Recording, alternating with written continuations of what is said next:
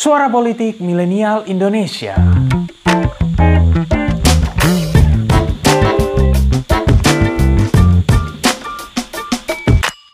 Halo Sobat Mitra Politik, senang sekali hari ini kembali lagi bersama Santo Bias dan hari ini kita akan ada sesi wawancara bersama Kiai Haji uh, Imron Rosyadi Hamid. Beliau adalah Rois Syuriah, uh, pengurus cabang istimewa Nadatul Ulama atau PCINU untuk Tiongkok. Kita akan bahas seputar uh, kunjungan uh, Menteri Luar Negeri AS uh, Mike Pompeo beberapa waktu lalu ke NU dan konteks uh, antara sikap politik NU terhadap perseteruan yang terjadi antara Amerika Serikat dan Tiongkok. Oke, langsung saja kita bergabung dengan Kiai Haji Imron. Uh, Assalamualaikum uh, Pak Kiai Imron. Waalaikumsalam warahmatullahi wabarakatuh, Mas Kris. Oke, okay. uh, gimana kabarnya Pak Kiai? Baik, baik ya. Uh, karena suasana pandemi ya, kita belum bisa ke mana-mana ini. Oke, okay. terima kasih sudah waktunya, udah uh, apa namanya meluangkan waktunya untuk kita hari ini ngobrol-ngobrol. Sama-sama, sama-sama Mas. Ya. Oke, okay. uh, hari ini uh, apa namanya teman-teman Pinter Politik uh, dan redaksi di, di Pinter Politik secara khusus uh, pengen ngobrol banyak dengan uh, Pak Kiai Imron tentang uh, NU khususnya dan konteks sekarang ini yang lagi ramai diperbincangkan adalah uh, ada dua kekuatan negara besar di dunia yaitu uh, Amerika Serikat dan uh, Tiongkok.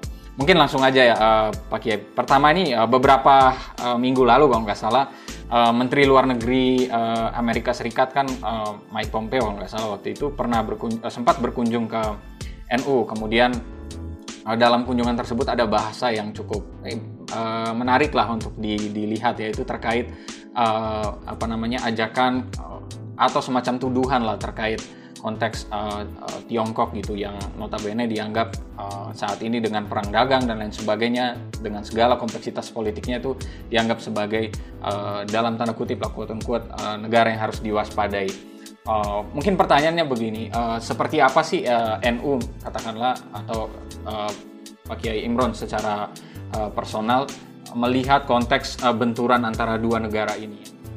Ya, um, jadi yang pertama perlu saya sampaikan bahwa kedatangan Mike Pompeo ke Gerakan Pemuda Ansor itu harus kita eh, lihat sebagai sesuatu yang positif.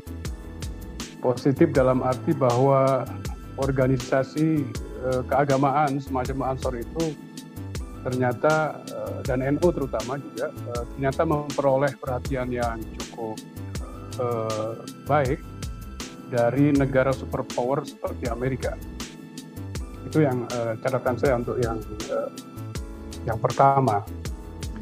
Karena uh, sebagaimana kita ketahui uh, kunjungan Mike Pompeo ke Gerakan Pemuda Ansor itu merupakan kunjungan pertama kali dalam sejarah tidak saja Ansor tetapi juga NU ya Menteri Luar Negeri uh, negara superpower kemudian mendatangi uh, sebuah kantor uh, sebuah apa organisasi massa Islam di uh, Indonesia. Nah, ini juga uh, kaitannya dengan uh, apa yang mungkin selama ini dibaca oleh Amerika dalam tanda kutip uh, peran-peran NU di dalam uh, apa proses-proses uh, membantu apa uh, uh, menekan ya gerakan ekstremisme, kemudian ikut juga di dalam gerak gerakan apa uh, counter terorisme dalam arti apa uh, aksi kekerasan yang mungkin muncul dari kelompok-kelompok Islam itu NU dan Ansor uh, secara aktif ikut membantu apa uh, pemerintah dalam hal ini uh, untuk mengurangi ancaman-ancaman semacam itu. Saya perlu sampaikan juga sebetulnya tahun lalu itu uh, ada orang uh, penting ya yang mengundang private dinner uh, tokoh NU ini uh, yang mengundang itu duta besar Amerika di Jakarta uh, uh, yang menarik di dalam percakapan duta besar Amerika dengan apa? Dengan uh, tamu ini tokoh NU ini dia menanyakan apakah kenal dengan uh, Rois Surya PCI Tiongkok Jadi ini ini saya kira apa uh, tidak lepas dari problem yang hari ini muncul di uh, apa geopolitik dunia tentang uh, perang dagang antara uh, Amerika dan Tiongkok yang uh, ini kemudian menyeret banyak kekuatan yang uh, dianggap strategis untuk dijadikan apa partner atau aliansi mereka di dalam gerakan-gerakan uh, politik.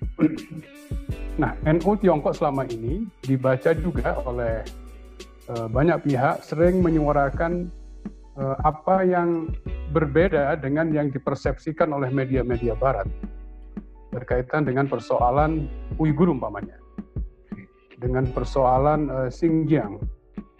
Uh, uh, sebagaimana kita ketahui dalam apa beberapa tahun terakhir isu ini mengemuka di Indonesia yang uh, itu terus terus terang harus kita apa uh, lihat ada banyak bias di apa di dalam berita-berita uh, itu yang tidak sesuai dengan apa yang kita saksikan di apa di uh, sana. Saya sebagai orang NU yang hidup di Cina kurang lebih tiga tahun ya, uh, menyaksikan sendiri uh, bagaimana kehidupan beragama di apa di Tiongkok.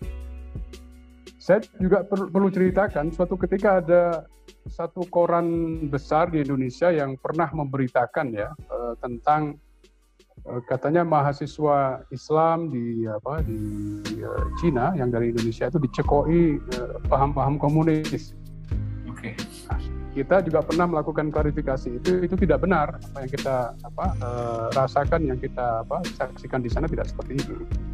Jadi fungsi pertama yang apa uh, harus uh, di, disampaikan kepada publik bahwa NU termasuk NU Tiongkok itu tidak ingin terjebak dalam apa dalam tanda kutip ya permainan perang dagang antara uh, Cina maupun Amerika. Kita ingin uh, memihak pada kebenaran, kemudian melawan hoax, dan terutama uh, kita ingin meletakkan kepentingan Indonesia itu sebagai kepentingan yang utama di dalam proses apa uh, uh, me menyikapi ya uh, narasi maupun kontra narasi yang disampaikan oleh kedua belah pihak. Saya kira itu, Mas. Oke, okay. uh, menarik tadi uh, penjelasan dari Kiai Imron. Uh, apalagi kalau uh, kita lihat misalnya di Indonesia tuh bicara tentang Tiongkok itu ada semacam apa ya beberapa waktu terakhir khususnya jadi kayak semacam ada sensitivitas isu gitu uh, di satu sisi orang mengidentikan Tiongkok dengan komunisme dan lain sebagainya yang membuat kompleksitas isunya itu jadi kayak semacam uh, apa jadi percikan gitu kalau di, dibicarakan apalagi di tengah uh, umat Islam. Gimana sih caranya NU katakanlah uh, selama ini kan kalau kalau mungkin bisa dikoreksi apa kalau kalau saya salah. NU kan selama ini cukup cukup terlihat cukup dekat dengan Tiongkok beberapa kali misalnya ada acara uh, dengan dubes Tiongkok yang datang ke NU. Bagaimana NU bisa menjaga gitu uh, konteks sensitivitas isu katakanlah dengan Tiongkok dengan investasi yang kerjasama ekonomi yang ada di Indonesia agar tetap uh, apa namanya berimbang gitu di, di, di apa namanya dilihat oleh masyarakat khususnya di kalangan uh, uh, NU sendiri. Kalau saya melihat NU dalam hal ini PBNU maupun uh, PCI Tiongkok, uh, PCI NU Tiongkok itu tidak Eh, melakukan pemihaan ya terhadap satu kekuatan, umpamanya dalam hal ini Cina, tapi kita ingin melakukan politik penyeimbangan, mas. Karena sebetulnya eh, kalau kita rujuk pada beberapa kunjungan pengurus NU ke Amerika juga eh, dilakukan ya. Tahun 2017 bahkan Katib Am eh, PBNU itu tahun 2000, 2018 itu diterima oleh Mike Pence di White House ya wakil presiden eh, Amerika sekarang Nah, eh, tetapi eh, kita juga perlu melihat bahwa Cina ini eh, suka atau tidak suka sekarang menjadi apa satu kekuatan baru yang mesti harus kita sapa ya dalam arti untuk kepentingan Indonesia dan kepentingan masyarakat Indonesia. Kalau kita uh, melihat umpamanya apa yang di apa berikan uh, semacam sinyal oleh Gus Dur waktu uh, menjadi presiden. Uh, kunjungan kenegaraan pertama yang beliau lakukan itu adalah Cina. ini bagaimana kemudian kita melihat bahwa Cina ini telah diletakkan oleh Gus Dur sebagai tokoh NU itu sebagai apa kekuatan penting ya dalam landscape apa politik luar negeri Indonesia yang mesti harus di apa diperbaiki dari hari ke hari. Saya ingin apa uh, mengutip beberapa data umpamanya kalau kita bicara tentang tingkat investasi Cina dengan Amerika di Indonesia, Cina itu sampai hari ini lebih tinggi dari Amerika. Atau kalau kita bicara data 2016 ya, eh, Cina itu di posisi tiga besar apa eh, investasi asing di negara kita dibanding Amerika yang masih apa eh, ranking ke-6. Nah, yang berikutnya kita jangan lupa uh, overseas student kita, mahasiswa dan pelajar kita yang belajar ke Cina hari ini itu lebih dari 14.000 orang. Itu the second largest ya. Jadi yang terbesar kedua setelah uh, mahasiswa kita ke Australia dan New Zealand yang angkanya kisaran 20.000 orang. Ini menunjukkan bahwa ada hal yang uh, harus kita apa uh, lihat sebagai fakta baru hari ini bahwa Cina itu sesuatu yang penting dan tidak bisa kemudian kita abaikan. Persoalan kemudian isu komunisme itu menjadi dalam tanda kutip beban sejarah atau historical burden, uh, saya pernah menyampaikan ke beberapa pengurus uh, NU di Jakarta maupun beberapa apa uh, diplomat kita di Cina bahwa uh, sebetulnya ada peluang yang bisa untuk menghilangkan atau mungkin menekan ya beban sejarah itu dengan cara apa? kita ingin uh, menguatkan hubungan antar Muslim baik di uh, Cina maupun di uh, Indonesia. Program pertukaran Muslim, uh, kemudian uh, saling mengunjungi kedua belah pihak itu saya kira penting karena apa? Ada sekitar 30 juta Muslim di Cina yang uh, bisa kita jadikan dalam arti uh, sebagai jembatan ya, jembatan komunikasi antara masyarakat Muslim Indonesia sebagai apa mayoritas uh, warga negara dengan uh, cara kita melakukan glorifikasi ya terhadap apa uh, keberadaan Muslim Cina hari ini. Saya pernah menulis ya dalam beberapa tahun yang lalu tentang bagaimana pemerintah Cina sebetulnya eh, di samping memang secara konstitusi apa kebebasan beragama itu dijamin ya dalam eh, pasal pasal 36 Undang-Undang Dasar eh, Undang Dasar Cina tentang warga negara itu bebas memeluk atau tidak memeluk agama. Artinya ada kebebasan untuk memeluk agama di sana. Eh, di luar itu ada banyak kebijakan yang eh, dalam tanda kutip pro apa eh, kepentingan masyarakat Islam kalau kita melihat ada National Action Plan Cina tahun 2016 sampai 2020, itu yang meletakkan perbaikan pelayanan haji itu sebagai salah satu apa uh, poin yang mereka uh, sampaikan dalam rencana aksi nasional ini.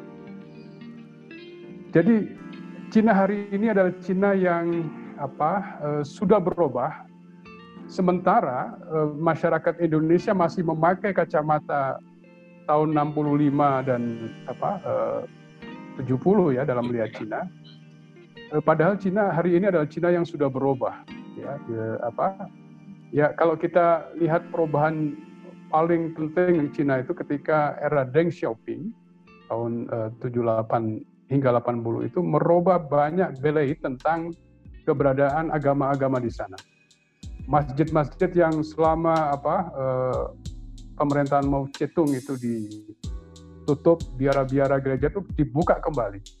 Bahkan tahun 80 itu ada muktamar uh, Islam ya, di Cina. Itu di Beijing. Jadi uh, itu saya kira perlu dicatat.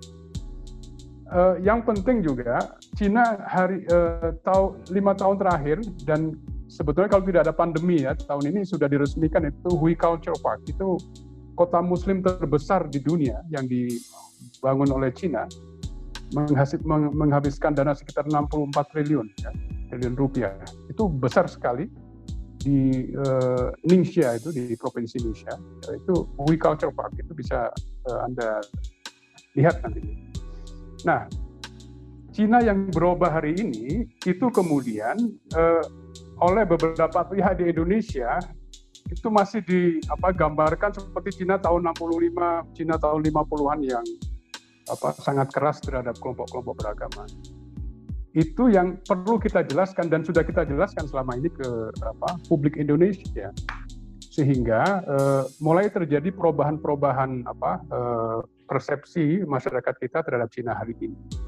Dan ini saya kira juga uh, uh, satu apa peran yang tidak bisa uh, dianggap apa uh, ringan karena menyangkut merubah mindset orang yang sudah puluhan tahun melihat Cina itu sebagai apa uh, negara yang uh, anti agama gitu ya. ya. Tapi hari ini tidak seperti itu.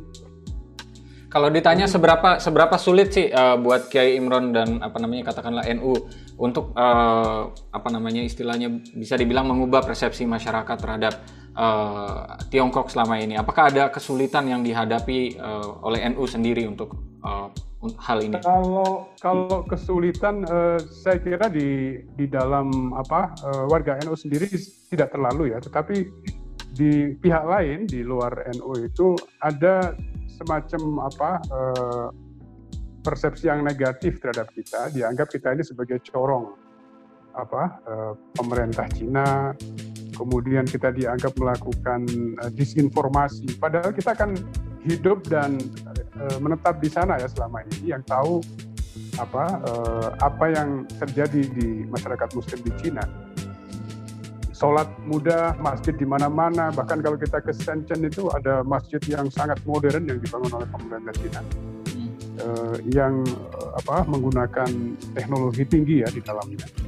Nah, yang gitu-gitu itu masyarakat jarang yang tahu. Tetapi kita lakukan ya baik melalui medsos, melalui termasuk penerbitan buku. Ini yang saya tunjukkan buku ini adalah buku yang pernah kita launching di gedung PBNU. Oke. Okay. Nanti akan kita apa? Kita sampaikan ke sampean kalau memang perlu untuk oh boleh boleh. Ya di intinya kita melakukan banyak apa uh, uh, ikhtiar ya untuk kemudian merubah historical burden itu menjadi peluang-peluang uh, yang uh, kemudian bisa meningkatkan hubungan baik antar kedua negara. Saya kira itu mas. Oke. Okay.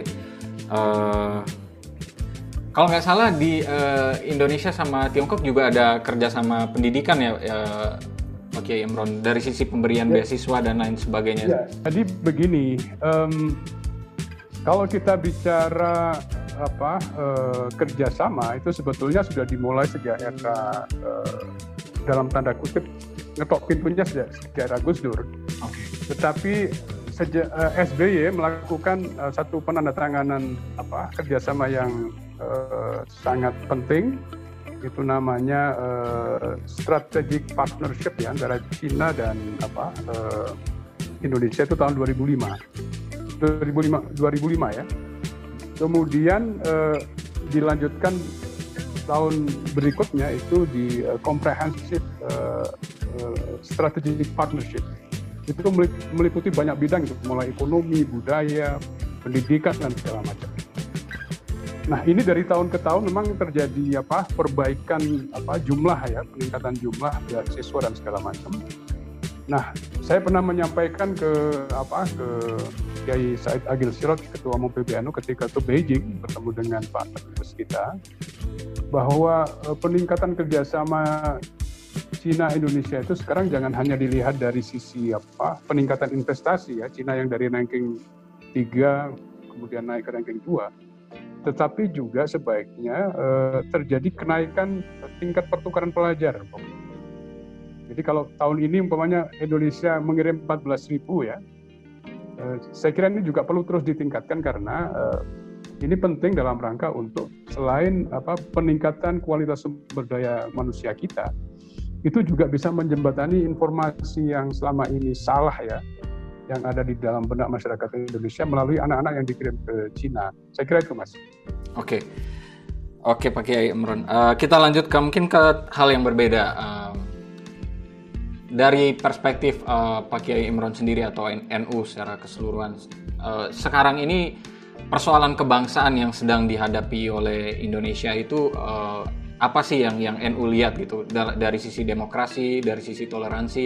Karena kebanyakan orang melihat bahwa katakanlah dari sisi demokrasi belakangan ini dengan katakanlah yang isu-isu beberapa waktu terakhir undang-undang cipta kerja dan lain sebagainya itu dianggap sebagai ada penurunan dari sisi uh, apa namanya kualitas berdemokrasi di Indonesia. Kalau dari NU sendiri apa yang yang uh, dilihat secara spesifik dari konteks ke kebangsaan Indonesia? Ya, uh, saya ingin berangkat juga dari apa uh, tidak sekedar undang-undang ciptaker ya, tetapi ada juga beberapa masalah sebelumnya, termasuk undang-undang apa revisi undang-undang KPK segala macam eh, NU beberapa kali melakukan kritik ya terhadap uh, kemunculan undang-undang yang dianggap tidak apa akomodatif terhadap keinginan publik.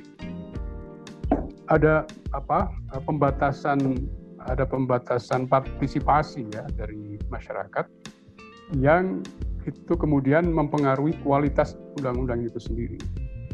Kita lihat umpamanya undang-undang Ciptaker yang oleh NU itu juga dikritik uh, keras ya uh, bahkan eh, NU melakukan melakukan apa beberapa apa, sikap yang saya kira berseberangan dengan pemerintah dalam hal undang-undang ciptaker itu. Di luar persoalan itu yang lebih mendasar sebetulnya hari ini kita melihat lemahnya kelompok oposisi sebetulnya. Jadi di demokrasi itu kan memerlukan apa keseimbangan ya. Uh, uh, check and balances itu kan penting.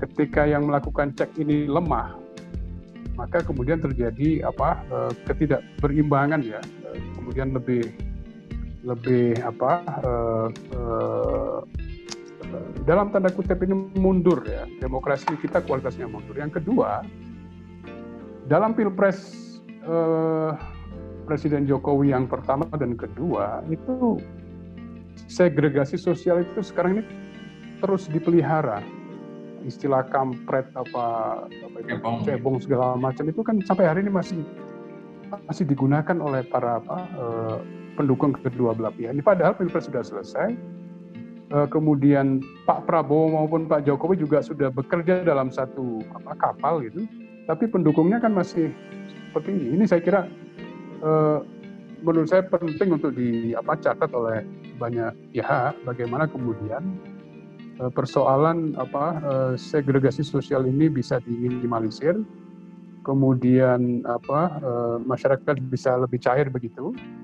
Karena apa? Sekarang ini kalau kita mau mengkritik pemerintah itu dianggap ini paling dulu grupnya apa pendukungnya Presiden A Prabowo gitu. Padahal yeah. kita enggak. Yeah. nah ini yang jadi kemudian demokrasi menurun kualitasnya hari ini. Dan kita juga tahu uh, ini juga disebabkan oleh berbagai faktor termasuk dalam hal penegakan hukum yang lemah yang kemudian membuat trust publik itu uh, menjadi berkurang ya terhadap lembaga-lembaga uh, demokrasi. Uh, termasuk juga praktek-praktek uh, oligarki yang uh, terus uh, apa, uh, menggejala dalam sistem uh, pemerintahan kita, mulai pusat sampai daerah saya Saya kira itu mas ya masalah demokrasi. Oke, uh, lanjut lagi ke satu hal berikut yang menurut saya juga menarik dan bisa ditanyakan ke Kiai Imron karena bagian dari NU yaitu tentang isu khilafah. Uh, bagaimana Kiai uh, Kiai Imron dan uh, NU secara keseluruhan melihat tentang isu ini? Apakah benar ya, di Indonesia ada gitu katakanlah kelompok atau orang yang ingin memperjuangkan kembalinya uh, khilafah semacam itu dan kenapa uh, banyak orang katakanlah atau masih banyak orang di Indonesia yang tertarik dengan ide, ide atau gagasan-gagasan seperti ini sehingga katakanlah bisa mudah untuk uh, ikut di dalamnya gitu. Ya, dari kacamata NU ya, kita sejak Muktamar NU tahun 35 itu uh, sudah uh, apa uh, meletakkan posisi Indonesia itu sebagai Darussalam, jadi negara damai, uh, bukan Darul Islam, bukan uh, negara Islam. Tetapi itu kan proses itu kemudian masih apa uh, menjadi dinamika di lapangan ketika ada kelompok-kelompok lain di uh, uh, unsur negara ini yang ingin menegakkan apa syariat Islam. Uh, termasuk juga pemberontakan-pemberontakan uh, yang membawa bendera Islam ya dari ITI segala macam itu. Nah itu kemudian eh, dikuatkan lagi oleh NU tahun 83 melalui Munas di Situbondo yang meletakkan eh, Pancasila, NKRI, Undang-Undang Dasar 45 itu sebagai sesuatu yang final. Nah, kalau kita bicara khilafah, khilafah dalam arti ingin merubah bentuk negara, NKRI, kemudian menghilangkan Pancasila dan segala macamnya, ini adalah bagian yang sejak awal sudah ditolak oleh NU. Bahkan dalam Munas tahun 2014 ya, itu NU juga secara jelas mengatakan bahwa uh, khilafah itu uh, tidak wajib ya untuk uh, diterapkan dalam uh, apa konteks Indonesia. Karena karena apa uh, Indonesia hari ini kalau kemudian uh, itu diterapkan yang pasti akan terjadi uh, perpecahan. Seandainya khilafah itu diartikan sebagai apa satu uh, metode perjuangan untuk menegakkan apa nilai-nilai uh, Islam, keadilan, kesejahteraan dan segala macam sebetulnya itu sudah diakomodir di dalam Pancasila itu dalam pandangan NU. Kalau kita bicara sila-sila di Pancasila itu semuanya eh, diambil dari nilai-nilai atau substansi nilai eh, keagamaan, terutama Islam.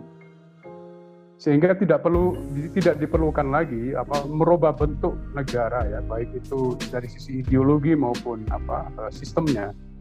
Nah, ini yang memang coba di apa diangkat lagi oleh beberapa kelompok terutama HTI ya di Indonesia untuk uh, apa uh, menegakkan apa yang mereka sebut sebagai khilafah Islamnya. Dalam pandangan NU kalau ini terjadi, Indonesia akan pecah. Indonesia tidak akan menjadi sebuah negara bangsa lagi, tetapi yang terjadi justru pertumpahan darah, kemudian uh, sesuatu yang justru harus kita hindari, kira begitu. Jadi di Munas uh, NU tahun 2014 sudah jelas bahwa apa uh, uh, khilafah itu tidak apa tidak diperlukan lagi untuk diperjuangkan di Indonesia karena uh, bentuk Indonesia hari ini sudah final dan ini bisa mengayomi banyak kalangan dan justru untuk memperkuat apa uh, apa yang kita sebut sebagai negara kesatuan Republik Indonesia. Kalau ini diganti dengan sistem dan ideologi lain, bisa dipastikan eh, Indonesia akan bubar pada hari itu atau akan terjadi pertumpahan darah ya antar uh, anak bangsa yang, yang saya kira harus kita hindari dan kita semua harus berjuang untuk apa menolak ya ide khilafah Islamnya di Indonesia itu. saya kira itu mas.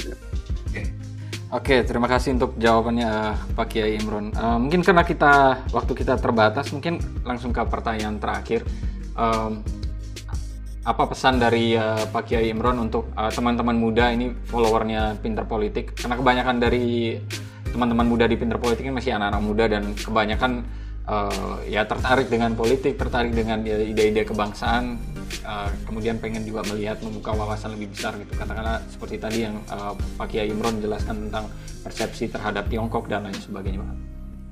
Ya, yang pertama saya kira uh, kita perlu memperkuat literasi kita.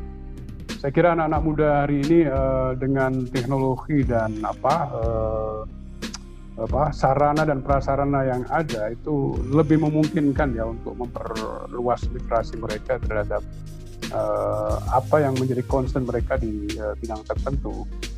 Uh, kalau dalam hal politik, saya kira uh, Eh, perluasan literasi itu akan membantu banyak hal, terutama ketika kita menerima informasi-informasi yang sifatnya hoax, informasi-informasi palsu dan segala macam. Atau kalau kemudian eh, itu pun bukan hoax, ketika kita memperkuat bacaan kita, kita bisa melakukan analisa secara benar ya, terhadap sebuah informasi sehingga kita tidak salah di dalam uh, membaca ataupun ketika kita menjadi apa pimpinan itu dalam hal membuat keputusan. Karena uh, ini penting perluasan literasi itu uh, kita terus membaca dan terus mengikuti informasi-informasi yang benar, melakukan cek and recheck ya terhadap sesuatu yang uh, mungkin muncul di medsos yang kita perlu lihat apakah ini benar sebelum kita share ya atau kalau kita ingin apa jadikan itu panutan uh, kita juga perlu uh, melihat latar belakang ya dari uh, seseorang atau tokoh yang mungkin menjadi panutan teman-teman. Uh, Sepanjang itu apa uh, bisa kita pertanggungjawabkan apa ideologinya kemudian uh, apa komitmennya terhadap uh, kebangsaan dan kemanusiaan saya kira uh, itu penting untuk kita ikuti. Kalau tidak saya kira lebih baik kita hindari. Itu aja mas. Oke uh, pesan yang uh, bagus dari Pak Kiai Imron. Uh, mungkin itu aja yang hari ini bisa saya tanyakan. Uh, terima kasih banyak uh, Pak Kiai Imron untuk uh, waktunya sama-sama sama-sama sama-sama saya juga minta okay. maaf kalau ada salah Oke, okay, minta maaf juga kalau ada uh, salah-salah kata dan tadi juga ada sedikit gangguan dengan uh, harusnya kita Instagram live ya, tapi. Ya. Baik baik. Oke, okay, nanti mungkin kalau ada kesempatan lain uh, ada isu yang uh, menarik kita bisa berbincang-bincang lagi dengan baik, uh, baik mas ya. Pak Kiai Imron. Oke, okay, uh, mungkin itu aja yang hari ini bisa kita uh, perbincangkan. Oke, okay, terima kasih. Uh, ya, ya. Assalamualaikum. Assalamualaikum warahmatullahi wabarakatuh. Oke. Okay. Terima kasih telah mendengarkan episode kali ini. Nantikan episode-episode selanjutnya dan jangan lupa untuk kunjungi pinterpolitik.com untuk dapatkan informasi seputar fenomena politik di Indonesia. See you next time and bye-bye.